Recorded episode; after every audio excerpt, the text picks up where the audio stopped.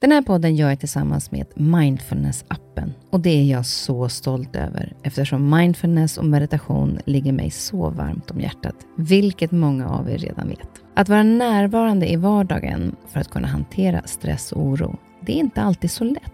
Då kan man ha mindfulness-appen nära till hands för att hjälpa dig när du behöver. För mig kan det vara så till exempel när det gäller sömnen, att vissa dagar då har jag riktigt svårt att komma till ro. Framför allt när det är mycket med jobbet. Då brukar jag använda mindfulness-appen och avsluta dagen med en avslappningsövning för att sänka stressnivån. Det gör det så mycket lättare för mig att somna sen. Oavsett om du kämpar med sömnlöshet, stress eller bara behöver en stund för dig själv så har Mindfulness-appen verktygen för att hjälpa dig att slappna av och sova bättre. Appen är utformad för att passa in i din livsstil med korta övningar som passar även de hektiska schemana. Som lyssnare till Nyfiken på så får ni 40% rabatt på prenumerationen av Mindfulness-appen. Länk till erbjudandet ja, det hittar ni i poddens Instagram, kaspersen nyfikenpa. Eller så går ni in på themindfulnessapp.com kristin. Välkommen till min podd Nyfiken på. Här får jag chansen att möta människor som jag är nyfiken på utifrån deras historia, kunskap eller erfarenheter. Människor som jag inspireras av och förhoppningsvis kan vi med det inspirera er. Och om ni gillar avsnittet får ni jättegärna dela det så fler får chansen att lyssna. Och det ger mig också möjligheten att få spridning på podden så att jag kan fortsätta länge att bjuda in människor till roliga och intressanta samtal. Glöm inte att du också kan gå in och prenumerera eller följa podden så missar du inte när avsnittet släpps.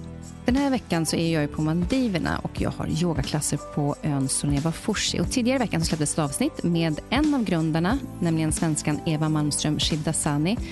Och jag tog även chansen att prata med hennes man Sonny som hon har startat den här hotellkedjan med. Och jag valde att dela upp samtalen så att det blir ett avsnitt på svenska och ett på engelska. Och Sonny han ska berätta ännu mer om deras miljöprojekt som också delar av världen får ta del av. Men Sonny han är en riktig visionär. Eva beskriver det som att det är han som gasar på med massa idéer och hon är realistisk och bromsar när det behövs.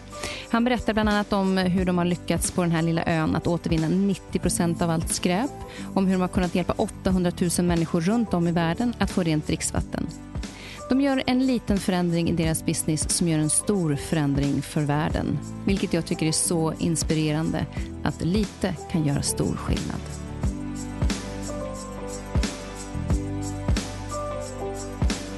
So thank you so much, uh, Sonny, for uh, being part of my podcast, and thank you for having me here. Right, it's a pleasure, Kristen. Welcome to Soneva Fushi, and um, you're very welcome. And thank, and thank you. for the honor. Yeah, thank you so much. It's uh, beautiful to be back uh, after 18 years. Uh, I didn't realize that long. Yeah, it was 18 years. And so, you, you you came with your mother last time, did you? No, I was here with my uh, my ex husband. He was doing a travel show for Sweden. Right. And I was pregnant then with yeah. our, the youngest one, and the oldest one was six. I see. Oh, yeah, no, but now he's 24 and 17. Right, yeah, yeah. So it's going to be fun to show them around. Yes, no, it's it's evolved a lot, the resort. We, we believe in continuously evolving, improving, uh, developing, but we've kept the same fabric and the same spirit. Um, I yeah, you, you really, feel... I could really recognize myself when I came back. Right. Uh, yes. And also that all the houses are so hidden. Yeah. So I, I can't see that you have built a lot on the island. Right. Yeah because you can't see the houses. Quite a lot is upgrade to existing buildings, and um, some of the building is actually enhancing the island um, in terms of more trees, more plants, uh, permaculture techniques to enrich the soil so that the plants thrive and grow better. So, um, uh, yeah, we, we're continuously evolving. There's always um, it's it's this idea of mastery, continuing to improve oneself all the time. One never quite gets to perfection. No, but so, it, um, it's uh, for us uh, who comes over here because you own uh, Soneva is Sonu and Eva. That's right. And put together, and uh, you own, and you also the one that you know taking care of. Otherwise, it's um, normally when you have a hotel, yeah. maybe someone is taking care of the hotel and, and keep the business, right. and, and another owner. Right. But yes. you are both. We're deliberately both the owner and operator, and that was a deliberate strategy, and that's why we sold Six Senses. So we founded a company called Six Senses, which has grown quite um, rapidly and has many more properties. Um, and that was through managing other people's hotels. And so in 2012, Eva and I realized that firstly, our job description was changing. Uh, mine was, at least, I was spending too much time going to hotel conferences, meeting investors, looking at budgets, getting budgets th- across uh, the line. And all we could manage to do when you're managing someone else's hotel is to ensure that the next hotel is as good as, as good as the last. And Eva and I are very much about continuously improving, evolving, and developing. So I, I really wanted to spend my time on developing new strategies. It could be a host engagement strategy that would have more engaged hosts, so you have that magical service, or it could be a, a restaurant concept, or even a new resort concept. I, I wanted to spend my time on that rather than just going to conferences and meeting investors and trying to grow the business. And um, and I also felt that um, become institutional. If you consider, one could be in one of the top streets in Stockholm or um, Bond Street in London, and you'll see these names, names of people who once passionate about a, a, watch or making a watch or jewelry or handbag or luggage. And all these names are now owned by two or three big groups. And you see it in the hotels as well.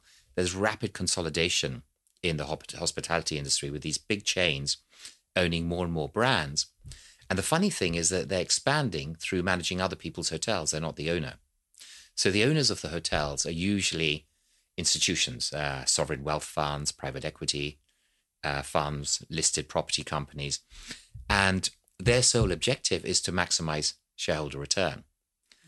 Um, so there's no one really thinking about a brand in terms of having an idea, having a philosophy, and driving that through. And so by being both the owner and operator, it allows us to have strong beliefs. And in fact, my title as CEO is Guardian of the Culture. So on my business card, it says Guardian of the Culture, and then in brackets, CEO and joint creative director. But yeah, um, because you call yourself guardians instead of owners, right? We do as well. And so could, beautiful of our How islands come? as well. Yeah, we so Eva and I do feel that we're guardians of these islands because we'll only live a lifetime. We don't have children, um, so this is um, for so for us, it's really what can we do in our lifetime to leave the world better than when we arrived, and, and that that's our legacy. Uh, our children are all our hosts. We try and develop them and hope that they will develop great careers. And we've had some amazing stories with some of our hosts. One of our former hosts, our former financial controller, now runs a small hotel management company here in the Maldives with six hotels and two more mm-hmm. under development. Um, another one, um, a canteen chef who was uh, running the kitchen of our construction when we opened in 95. He went back to Sri Lanka and we said, We'll buy prawns from you because we needed a sustainable source of river prawns. Traditionally, the problem with prawn farming is it's not terribly sustainable quite toxic. And so he said, if you can uh, find prawns that are sustainable, we'll buy from you. And he's now one of the biggest traders supplying prawns to the Maldives, and he has two hotels. So wow. um, it's nice to see some of our hosts um, evolve and develop, and we feel they're like our children. But in terms of coming back to the point of guardian of the culture, I believe as as the CEO, as the leader of the organization, my prime job is to create values and beliefs and a philosophy, uh, create a culture that will drive behavior. So we even have language. There are 500 words in the Soneva dictionary. So every six months, we'll have our strategic meetings, but we call two days of it the energizer. So rather than everyone sitting around looking at PowerPoints, someone just spending all day making presentations and other people just listening to them, we have the energizer where I come up with topics, I'll set the context, and then we'll be in groups of eight and there'll be small brainstormings, and then we'll try and drive ideas. And um, one hour at the end uh, with a glass of champagne is to develop new Soneva language uh, that wow. reflects our values. so, for example, when you arrive on the island, you're yeah. greeted by a host, not an employee. You can imagine coming to an island with 450 employees or this island with 450 hosts. The whole experience is different for the guests because our hosts are behaving like hosts, not like employees. And um, it's those little things um, that drive um, changes. And so yeah, I um, think because what I appreciate is that you you the small things that makes a big change. Right. I mean, it's a small island, uh, yeah. but you do a big change over all over the world. You can right. also see it on the island. Yeah. Uh, and it's the funny part because a lot of we're going to talk about the different projects that you have, uh, thinking about the nature and, and taking yeah. care of it. Um, but but Eva said that green for you from the beginning was just a color. She's so rude. no, no. So um, Eva, of course, being Swedish, and in the seventies and eighties, the Swedish or, or, Swedes are already very green compared with Britain, as an example of a former EU uh, member state. Uh, but um, so I lived in Oxford um, in the 80s and we had the impact of Thatcherism, a lot of development. And you'd see these beautiful bits of countryside turning into industrial estates or housing estates. It was quite tragic, you know, because the, uh, the Oxfordshire countryside is very beautiful. And um, Maggie Thatcher at the time was driving uh, economic development and um, pushing the economy. She was very slightly on the right side of um, of, of, of the spectrum, political spectrum. And um, so we saw that. And then, of course, James um, Lovelock was talking about um, Gaia and uh, the first discussions of global warming were discussed by scientists then. So as a university student, you read up a lot about it. And then we arrive here in the Maldives, which is a beautiful environment. And that's what blew Eva and I, at least my me. Hmm. First time I came here, um, I put my head under the water snorkeling. It was incredible. Uh, just literally a couple of meters from the resort, you'd have these incredible clumps of coral with vibrant live fish. It's not quite so good now because we've had obviously coral death, but uh, that's what blew me away. And so we were in this pristine environment, and we were clear that the attraction of this destination was its beauty, its nature. And so we had to preserve the beauty and the nature, including the vegetation, to enhance it. So, um, in terms of development, you'll see many more trees and much thicker vegetation than perhaps we had 20 years ago because we wanted to enhance it. We have many more varieties of vegetables and salads and fruits, which we've developed that um, support. Yeah, you have your gardens here on the island. Exactly, support yeah. our guests with nutrition. Yeah. Um, nothing be- better than that. We have a permaculturalist whose sole speciality is the symbiotic relationship of plants. She's an area permaculturist. She's a great expert in how plants work together. So, um, so we had to protect the environment. That was obvious at the beginning. And it started very much with conservation, just building around the trees, changing our architecture to fit the vegetation. Yeah, because you could you can tell in one of the bathrooms, yeah. uh, our bathroom, it's uh, uh, in the backyard, yeah, uh, kind of, uh, and then it's a tree in the middle, right? Yes. Uh, and then I was now, and I've been talking to Eva. I just smiling. It's not because it was. It's really beautiful. It's standing in the middle, yeah. But also that you're not taking the bigger right. trees down, yeah. And if you cut the trees here, the small ones, you plant new ones. Right. Of course. Yeah. Many yeah. more. We many planted more. considerably more, and then we we recycle ninety over ninety percent of our waste is recycled. So the cardboard and the food turns into compost. We then take uh, the branches that fall off the trees, we put into a pyrolysis oven, and it turns it, we turn it into charcoal, making our own coconut oil. But um, a lot of these things, like the pyrolysis oven, apart from making charcoal, it creates a biochar, a black soil that enriches our vegetable gardens. The compost obviously enriches our vegetable gardens, but it also helps with the vegetation. So when we see some plants or trees in the jungle not faring too well, we sort of enrich the soil around them with our waste. So we call it waste to wealth. Um, yeah, that's um, when you uh, running bikes around yeah, the island, and then suddenly you see a sign. Yeah. Uh, it says uh, "waste to, to wealth. wealth." Yes. And, and I just have to to tell the listeners this is not a big island, right? Uh, because so many that you have your uh, waste to wealth and you have the, the glass area and it's like it's it's uh, amazing i i was doing the paddleboard around the island yeah. and it took me one hour yeah oh, that's very fit good uh, so it's not that that yes. Uh, yeah. so it's not that big right, but no. you do uh, have so many that you have your own garden and yeah. then you also have the, the like 70 villas 70 right. units, that's right. Yeah, units, yeah. Ranging from one to eight bedroom houses. We've been selling houses. Um, exactly. Years, yeah. But when I was I was pedaling around, mm. I could hardly see the houses from the from right. the water. Yeah and and there is so many different things when you when yeah. you find you you can just tell like through the bushes like something is behind there but right, I don't know yeah. what it is yeah so it's really nice covered up so you, yes, you no. do fit in but also with this uh, the glass we were talking about because it was uh, when you decided not to also bring the water in to yeah. the drinking water to ban branded water yeah exactly mm. so what did you do to make your own water so we we we studied it because um we realized that other hotels were competing with water menus, and it became very fashionable in middle of the 2000s. So you'd go to a Four Seasons or some of these luxury brands or these luxury restaurants, and you have a choice of 10, 20, 30 waters. And I thought it was crazy. water's water. Water, water's water. and, um, and the funny thing, the irony of it is that half the bottled water sold in the world is tap water. So the biggest supplier is a company called Dasani. It's a brand of Coca-Cola and um, most of their water is is is tap water um, in these terrible plastic bottles. So we we we we felt that this was so against our values and beliefs that we had to do make a statement to the opposite. And um, especially when you have a billion people that don't have access to clean water, we you know thought it was a disgrace. You can imagine that bottle of Fiji water. It could start could start as um, a bit of oil in Alaska, and it's shipped down. It's shipped down to the Gulf of Mexico. The oil into a refinery and turned into petrochemicals. That petrochemical is then shipped to a factory in Fiji to turn into a water bottle. They then take that water, they put it in the bottle. It sits on a dock for about two months. We know that plastics are carcinogen. So you can imagine it sitting on that hot dock. It then goes on a, on a hot boat um, all the way across the Maldives. It ends up in a store for another two months. It then ends up on a guest table. It fills their glass.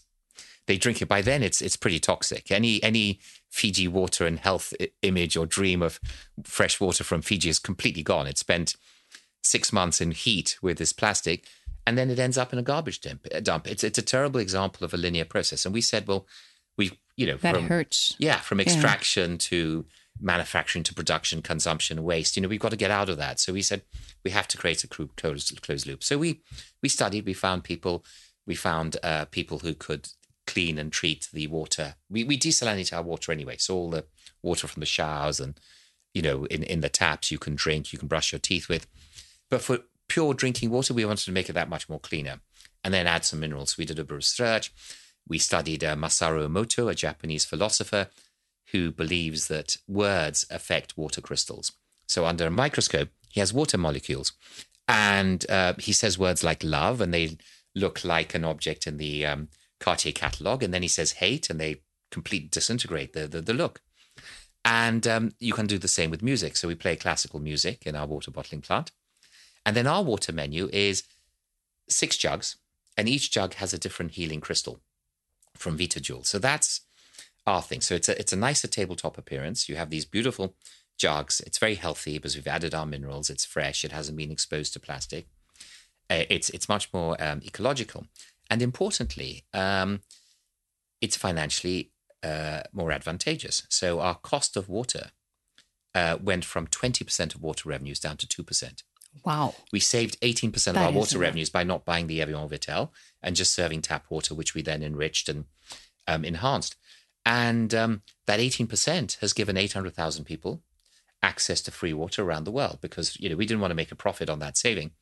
So we, we gave it to water charities uh, over the so, years. So the, the, the 18% then, yeah, uh, you gave it away. So to water charities, yeah. And it's, it's, it's given 800,000 people access to clean water.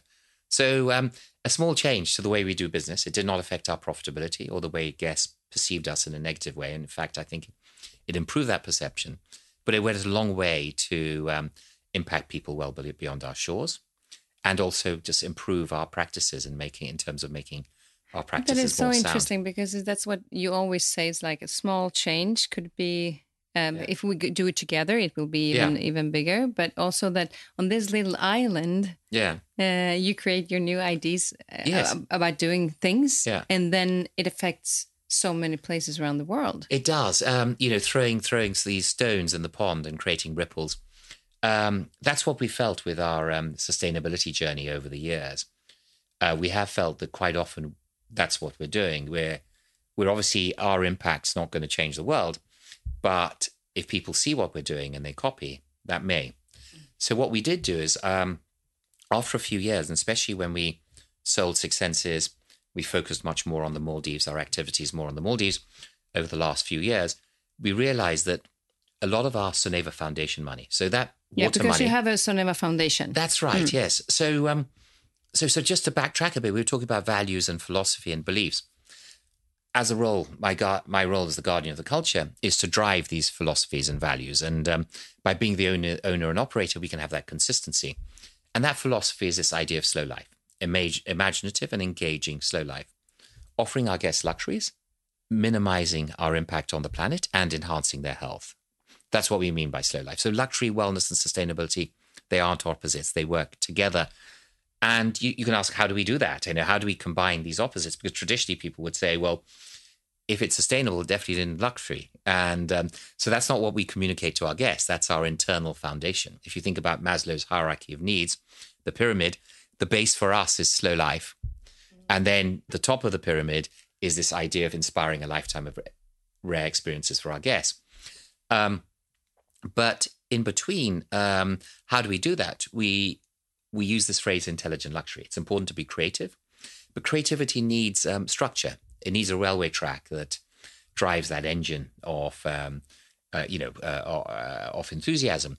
And so our railway track that drives our creativity, this guiding principle, is that word intelligent luxury, looking at the Latin origin of intelligent, intellego, to try and understand what luxury is about. Because people say gold and marbles luxury. No, luxury is essentially that which is rare to you. So you as an individual, that which is new, but it's true. It, it's something that rings a chord in your heart when you touch it or experience it.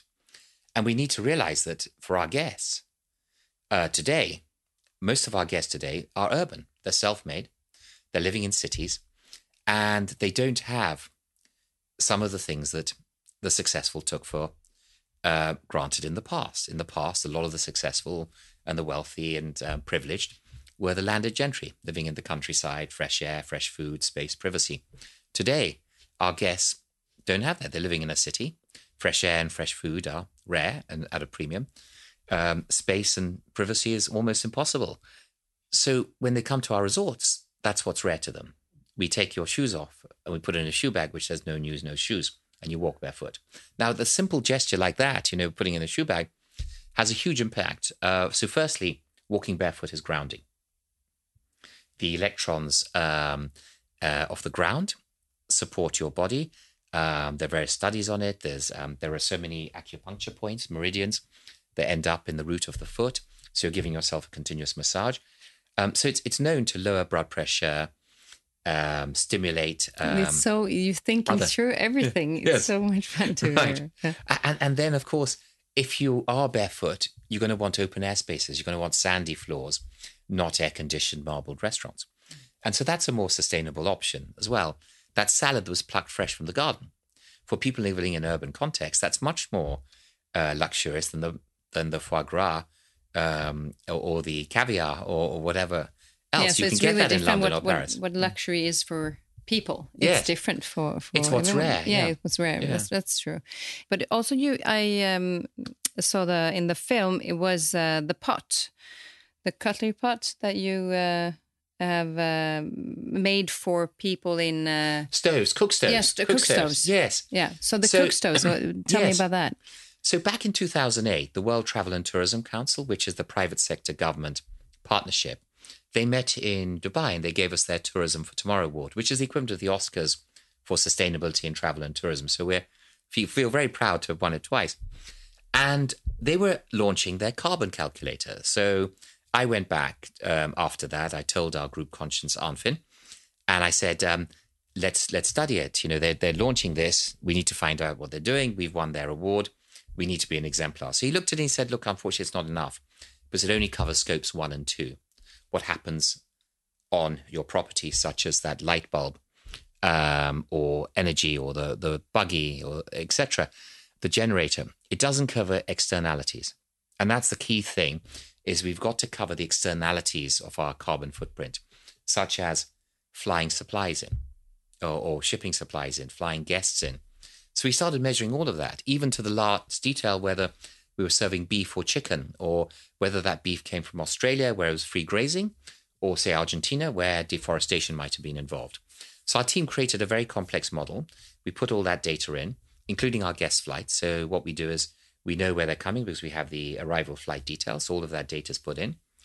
And then we have a 2% carbon levy. Uh, so we decided, we, we calculated that and we found out that 85%, 85% of the CO2 emissions as a result of our being were scope three, uh, which people don't measure.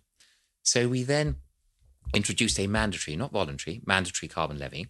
So when you have when we quote you for the room, it's 10% service charge. Um, there's 12% GST, local GST, and then there's a 2% carbon levy. If you book through a tour operator, then we absorb it ourselves because the tour operators get a net rate. And um, that has given about eight to nine million dollars over the last 10 years for the Soneva Foundation. It funded a 1.5 megawatt windmill in India, half a million trees in Thailand, supporting the local community there. And then in Darfur and Myanmar, the cook stove. Because 4 million people die a year of lung asphyxiation. They're using firewood just to keep warm, purify their water, or just cook their food. And they're in these small houses, uh, and the smoke is uh, impacting on their lungs. And they eventually die of uh, sort of breathing issues. So we introduced these cook stoves. There's a, um, they clean, clean, clean. Um, so it's subsidized. So we don't give it free because people don't use things that are free. So we buy it for $40 and we sell it for 10 and um, we um, they they they clean air, uh, so clean stoves, so no no smog, no smoky air anymore. Fifty percent reduction in the wood consumption, which is important because in Darfur they're risking the security of their villages just to find the firewood, and in in Myanmar some families that uh, we support are spending up to thirty percent of their income on firewood. So now they spend half of that, so only fifteen percent, and then a sixty percent reduction in CO two emissions. So um, a small change again to the way we do business. It didn't affect our profitability. Guests didn't look at it badly. It was 2% on the room revenue. No one objected. Whenever people ask, they just want to know where the money's going and what we're doing with it. And, and that's it. And, uh, but it had a huge impact for people well beyond our shore. So that's really what's driven the Soneva Foundation is this idea that governments create the context, but we as companies need to make the change.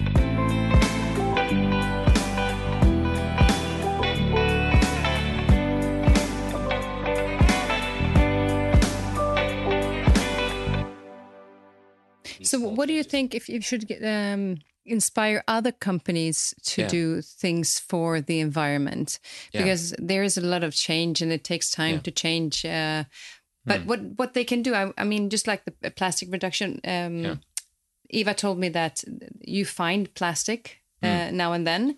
Yeah. and but now you start to make this lamp. Uh, I don't know. Have you been to Eco Centro yet, our waste to wealth centre? no, I'm going there. Oh, you Uh, should? But I didn't know that I could go in. Oh, you So can. We'll organise a tour. Just ask your barefoot Ah, butler. okay, okay. We'll organise it. So, um, and then I'm going to take pictures and I will put that on Instagram for the Oh, um, for the listeners. So who's Oh, listening good. now? So I will show you how it looks in there. so like Glassical with the glass, we're doing the same with aluminium and plastic. Hmm. So uh, we still have little uh, Coke cans sometimes, and then little tops for for bottles. Uh, we we bring in aluminium from other resorts and other islands, and we make um, objects. So uh, at Soneva Jani, our little hooks, uh, the knobs, um, little works of art. Um, Kevin, our artist, you should go and see Kevin, our Christensen, Yeah, I because met, I met Kevin. he's uh, he's making things between aluminium, wood, oh, um, right. yeah, uh, plastic, sort of combining things, um, which is quite nice. Uh, and Yeah, using that's these the three artist uh, mediums. who's on the island at the moment. Yeah, Kevin. He, he runs yeah. Glassical. Yeah. And I, I, as come back to this with the inspire other companies because when, when you can t- tell when you walk into the bathroom, Mm-hmm. you can find uh, your own bottles where the text is on already. The Yeah. the and it said sun protection, Yes. not uh, what did it say? Not destroying the uh, coral. Yes. Um, that's right. So um, our sun cream. Yeah, Exactly. So sun sun- creams can affect the coral, Exactly. and our coral is very fragile uh, generally. So we we have a huge challenge if we can't carry on as we are. By 2030, 90% of coral would have died. So, yeah, imagine if, if they could have in all different countries uh, that kind of uh, protection, and and each business along the beaches took that responsibility. That Yeah. will make a big change. So that's what I was thinking of. Do you have any ideas for other companies To- doing yeah. business to make that small change to actually affect the world? Yeah, I, I think better. every company has its own context, so I can't comment on specifics for one company or another. I can give examples of what we've done in the hospitality industry, banning branded water. Uh, we haven't, we've never had toiletries in plastic bottles. It's absurd that you go to a hotel and you have a Bulgari or an Acqua di Parma little plastic tube. It annoys the hell out of me because I'm not going to take a little bit of shampoo or shower gel and then throw the bot throw uh, have the housekeeping throw that plastic thing away. So I put it in my toilet bag. So um, and then I use that for the next couple of hotels. But I always have to, you know, I have to have a plastic bag to put it in. It's annoying. Whereas if it was a nice ceramic container, I'd just take a little bit that I need for my shower and then be on my way and not have to pack um, this bit of plastic thing, um, uh, you know, throughout my trip.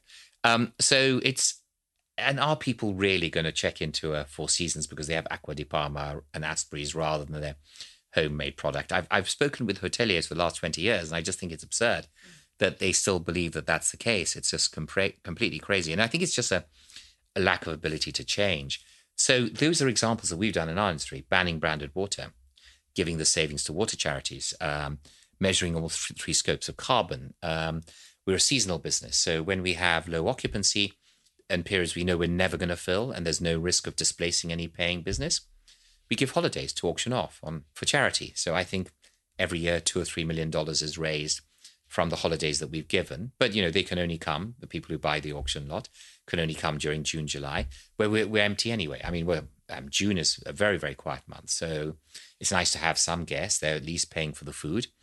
Um, so just thinking about ways that you can make changes to the way you do business that doesn't affect your profitability or the way guests think about you because obviously yeah, and also affects... and also as you say when you reduce yeah. your like your 18 percent yeah. not taking it yourself you're giving it away right yeah and because it's easy that they maybe keep it themselves right yes. and do something in their own business instead of bringing pa- it to charity it yeah yeah. The good thing is that um, i think the world is changing. Hmm. there is much more conscious capitalism. Why i'm so happy that to talk to you because you can really tell if you look at the uh, the website you see the beautiful island and uh, the luxury resort and everything but it's so many things behind it as yeah. well yeah. that you you can hardly understand so um, if you're listening uh, go into the website and also go and see what kind of charity that you actually do uh, because there is the so Soneva many foundation yeah Soneva foundation and yeah. uh, the Soneva Namoona and stuff it's it says in, uh, about that in your website just to know that uh, we all can do something. Right. Uh, yeah. And we need to do it. Together. And what I would like to say to other organizations is I've always said personally that uh, a company must have a purpose beyond simply enriching shareholders like Eva and I and our partners and paying employees a salary. And when you can do that, it can be very engaging and have a lot of meaning. And in the 21st century, if you're not doing that, I don't think you'll si- survive as a corporate because the young generations, the X and the Ys and so on, they um, they want to work for companies that make them feel good that um, give them a sense of purpose, where they feel that when they're going to work, they're doing something beyond then, beyond just helping themselves, helping people beyond. I think we all want to do that uh, deep down, and that's what really inspires and drives us, and um, it engages them. Mm. And having engaged employees is one of the key jobs of the CEO of an organization. You want people who come to work 100% engaged, passionate about what they're doing. It, I read the study where in, in the US, Gallup have this survey on engagement. They have 16 questions, and something like 28, only 20% of employees in American companies are fully engaged. Only 20%. 20%. It's very low. It's, it's very low. Yeah. I was talking to one of the hosts here, and uh, he said, he, he actually said to me, I recognize you. Mm. And um, he has not been to Sweden, so he doesn't recognize me from there. but then I said, "Well, yeah, well, I've been here once, but that was 18 years ago." Yeah. And he said, "What year?" And I said, "2003." Well, I started working here when I was in 2002. Right. And and I was like, "You've been here for so many years, yeah." And and then you also recognize yeah. Uh, me. Mm. Uh, that is really impressive, and it means also that you really love where you're working. Right. Yeah uh, because he was so passionate. Right. Yeah. About the place, and he was talking. It was the the guy that has his father is a fish, the fisherman. Oh yes, and the uh, Rocket, our fisherman. Yeah. Okay. The son of. Uh, was he a butler or a waiter? Uh, he was a waiter. Okay, that's Shafiq. Oh, Shafiq, Shafiq. Um, his son, his father is Rocket. So Rocket's been supplying us fish during the since yeah, the construction so time. was the son, and he has two children. One's Shafiq, who's a waiter, and Maruf is um, a senior butler. Okay, uh, yeah. I met him uh, out on the out on the blue. Right. Yeah. Yeah. So oh, it was really nice. And and then I was talking to Jonas Björkman that yeah. that the staff, uh, the staff or the host, as you say, um, you really care about them. Yeah. Uh, and that is also important, even though you say that they should feel, in, you know, passionate about what they're doing and feel that they do hmm. like they can make a change for other people. Yeah. But you also care a lot about them. Right. Yeah. We do. I mean, it's um, it's it's yeah, it's yeah. it's very important as an organization to have a sense of love and friendship and bond amongst everyone. I mean, that's what create sufficient teams. Yeah. Um, Eva said it's not like climbing up a level. We all are on the same level right, together. yes, yes. We have our spheres of influence, yes. Yeah, rather than the, the corporate structure. So yeah. I always tell the story about the, you know, the, the typical corporate ladder. It's, it's, it's like a, a tree full of monkeys. So, you know, you look up and you see our souls and you look down, you see smiling faces. So we definitely didn't want to do that. So, so that's why we created um, these spheres. So you have three spheres. So, well, you have the core. We, we like to follow patterns of nature to lead our organization. And so we have the core, which is uh, myself and the, the key team members, the chief commercial officer, the CFO, etc., the C-suite, uh, as they call it normally. And then we have the inner sphere, which is like the general manager, executive housekeeper, chef, etc., the properties. And then you have the dynamosphere, which is the middle management that taking the strategy of the inner sphere and supporting the atmosphere with it. And then you have the people who are creating the experience, which are the atmosphere, which are the waiters and the the the the, the, the chefs and um, you know the butlers. You make everything so beautifully. no, thank you. But um, we, we think through so, some of the things we do because, in a way, that's what drives a successful organization is having a strong culture, strong values, beliefs, and a philosophy that sort of engages our hosts. So, so I mean, that's my message to other uh, company CEOs is try and have a purpose, a genuine purpose, and it's got to be authentic, and everyone's got to believe it. And so, in our C-suite, our core, our chief commercial officer is vegan. Vegan. Um, because firstly she, she doesn't want to harm animals and secondly she realizes that um, meat is damaging the environment and our beef industry for terrible i mean after the built environment the built environment is going to be sorted out through alternatives to cement and better production there but after that it's the cow you know cows account for 20% of global warming uh, you know dairy and beef and that's why we've dramatically reduced consumption of dairy and beef both from a health point of view perspective and also from a sustainability point of view. Our CFO runs a sustainability team. Um, he was in the city, did very well in the city as um, in, in in the investment community in in um, in the solar industry. Uh, had a fund and he was managing a fund, and then he um, had an NGO before he joined us. Um, he was an enthusiast, and so so a lot of our C-suite are quite passionate about this whole thing of sustainability and our mission, and then that runs through out the organization. And I think that's very important for companies because if you have a purpose um, that rings true with your employees and they believe it's authentic, you're then going to drive uh, true engagement and um, better results. Uh, engaged people drive better results. You know, if twenty percent, only 80 percent of your employees are not engaged in what they're doing, you're not going to be you're not going to be standing out from the competition for sure. So, so I think that's that's a message. Yeah. And then I gave some examples of what we're doing in our industry, and um, I think um, others can think of you know ideas um, based on the same principles. So.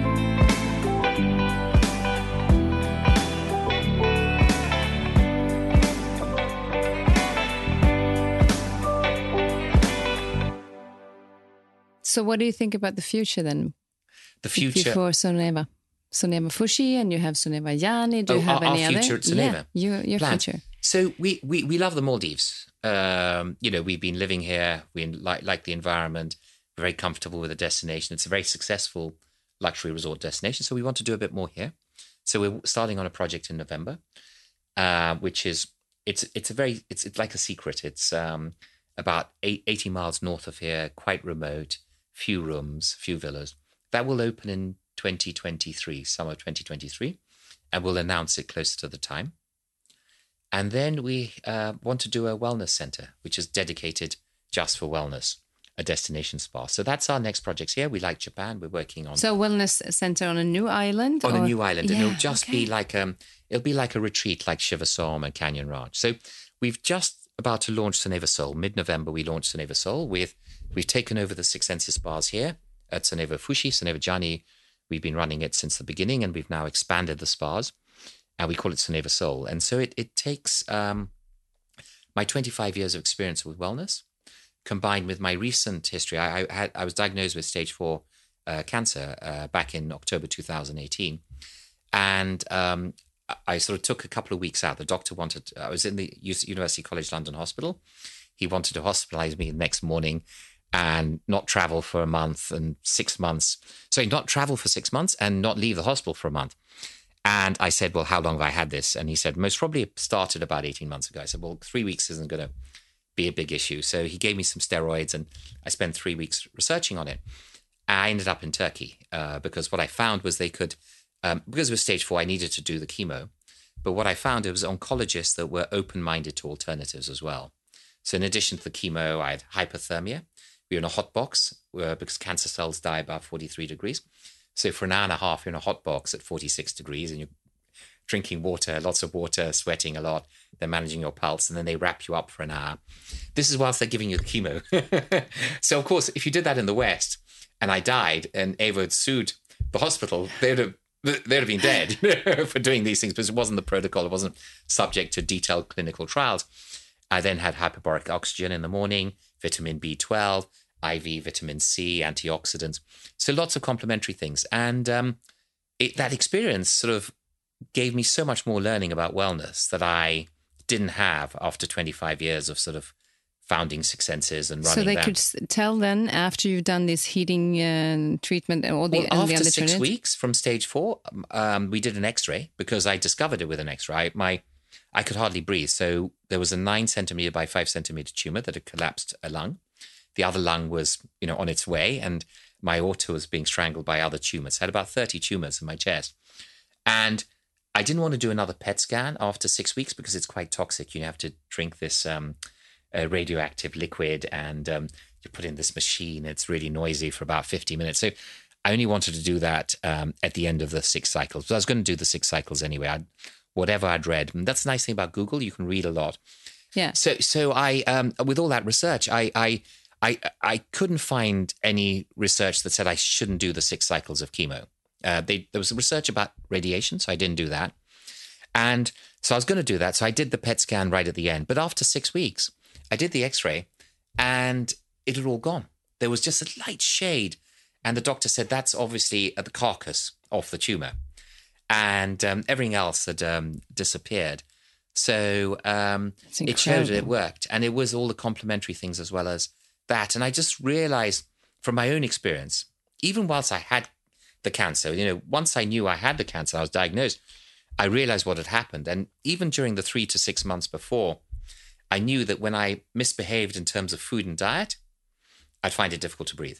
And mm. then when I behaved well, I would have no problems breathing uh, from a food and diet. So I realized how food, diet, uh, what we do had huge impact. And stress. yeah. And so Soneva Soul is going to add that. So you'll have your standard relaxing treatments and the beauty that most resort spas have, but then it'll go with a bit more depth. Um, thousands of years of ancient Ayurvedic wisdom. In between my chemos, I'd come here for 10 days and do mini panchakarma. So we had an Ayurvedic doctor and two nurses, and I'd do the oils and the cleanse.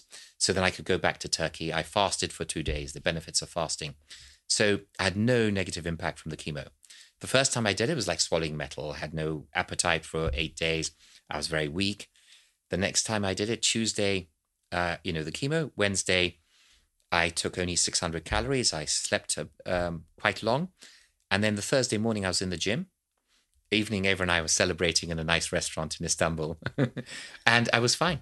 Um, so the fasting helped. Uh, and those principles of fasting, um, intermittent fasting, so Ayurvedic doctors, uh, traditional Chinese medicine, biomodulation, uh, extreme heat like hyperthermia, hyperbaric oxygen, uh, cryotherapy, extreme cold, we so you learned a lot. Yes, exactly. So all of these things we're going to add to Soneva and um, so we're doing that in our resorts, and then we'll have a destination spa where people go for the cure for a week, and that will just be a bit more intense. There'll be 100, 100 guest rooms. We'll make sure we have 150 guests in house when we're full, and about 100 therapists and practitioners with 100 treatment rooms, and most probably 400 treatments a day because most people will be doing three, four treatments a day. So um, so the, the all all yeah. your ideas, as yeah. Eva says, that you, they comes and pops up all the time, right. and in the couple as you are yeah. uh, doing this together. Yeah, she says that she's kind of the break now and then, and you kind of speed speed on with your all your ideas.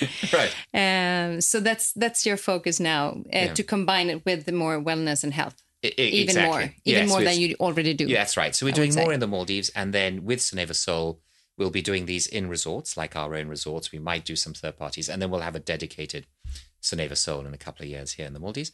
In addition to that, um, we're very keen on Japan, so we're working on a couple of projects there. Okinawa. How come Japan? Tokyo. Um, I just love the country. It's, it's, it's such a civilized culture. Have you been to Japan? No, I haven't, but I, see. I, just recently uh, read a book about Ikigai. Ikigai, exactly. Yeah. Following one's passion and Exactly. very, very, And- and you see the Japanese. I mean, sushi is incredible. Have you been to our sushi restaurant here? Just the, Which one is that? it's a six seater. It's just six seats. No, I haven't been I see. Oh, yeah, you should go. Um, it's in Out of the Blue. It's just um, where the teppanyaki is, just below Okay, the yeah, yeah. It's okay. It's there. Yeah, but, and you'll uh, see Akira, haven't and Akira just epitomizes. You can't Mm. get sushi like that outside Japan. It's very rare, and he just epitomizes. You know, that whole experience just epitomizes the attention in Japan, the attention to detail with the ingredients. So, ikejime is how you kill the fish with dignity. So, you know, you fish the fish up, and um, normally fishermen they leave it flapping on the deck. Of course, all the uh, adrenaline is excreted, the flesh is undermined by the stress hormones from the fish as it's struggling and dying. Whereas with Japanese, they realize that. So before the fish even lands on the deck, they have a bolt, they put it through the eye, the fish is dead. They then just cut a, um, the spine like this and cut off the tail. And um, that means that the, f- the flesh isn't uh, undermined. So you'll see fish that just tastes so different to what you have normally. Um, I really and that to attention that to one. de- you have to try. Yeah. And then 25 years, you you can't serve sushi in Japan at that level, at that omakase professional level with this you know small six seater. You can't do that. You wouldn't be allowed to do that in Japan if you hadn't studied for 15 years. It's Wow, it's that it's that's like amazing. being a lawyer and a doctor combined. It's it's such an art. And they're very rare these these people, so you should definitely try it before you go. Yeah, um, and uh, I need to try that one, and I'm digging down to this ikigai because I think it's really interesting in Yeah. um, what you do in life and what the meaning, uh, your meaning Yeah. In life, and that's uh, what you can do in the bigger perspective and Yeah. do for others, what the world needs as well. Yes, no, and it's very That's a part of it. Yeah. I can talk to you forever Yeah, I because know. I have so much to learn from you, and this is so interesting because it's kind of in my Right. My area where, where I where I, uh, We must have run out of time, I'm yeah, we- sure, no, yes. but I, I'm thinking of you uh, going for lunch now. Thank you. so thank you so much, and I, I think that I will play still play the Aerosmith because this this is a part of I make like two parts uh, of Yeah. this episode because Yeah. since uh, some people listen to uh, it's hard for for Swedish people always not Yeah. always but but sometimes to listen in English. So Yeah. we have Eva, Yeah. and then we take um, this is the second part. Okay, very good. Perfect. So then we play Aerosmith. Excellent. Yes. good. Perfect. Thank you so much. Pleasure. Thank, you, Kristen. Bye.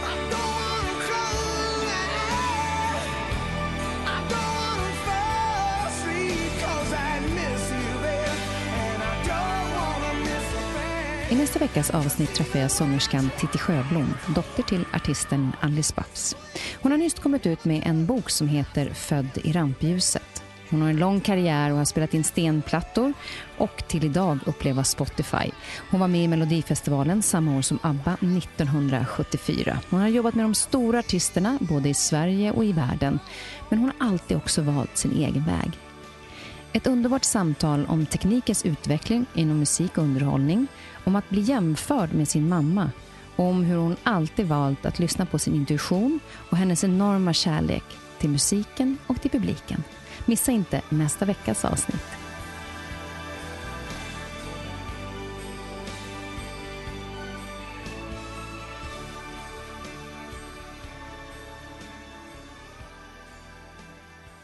Den här podcasten är producerad av Perfect Day Media.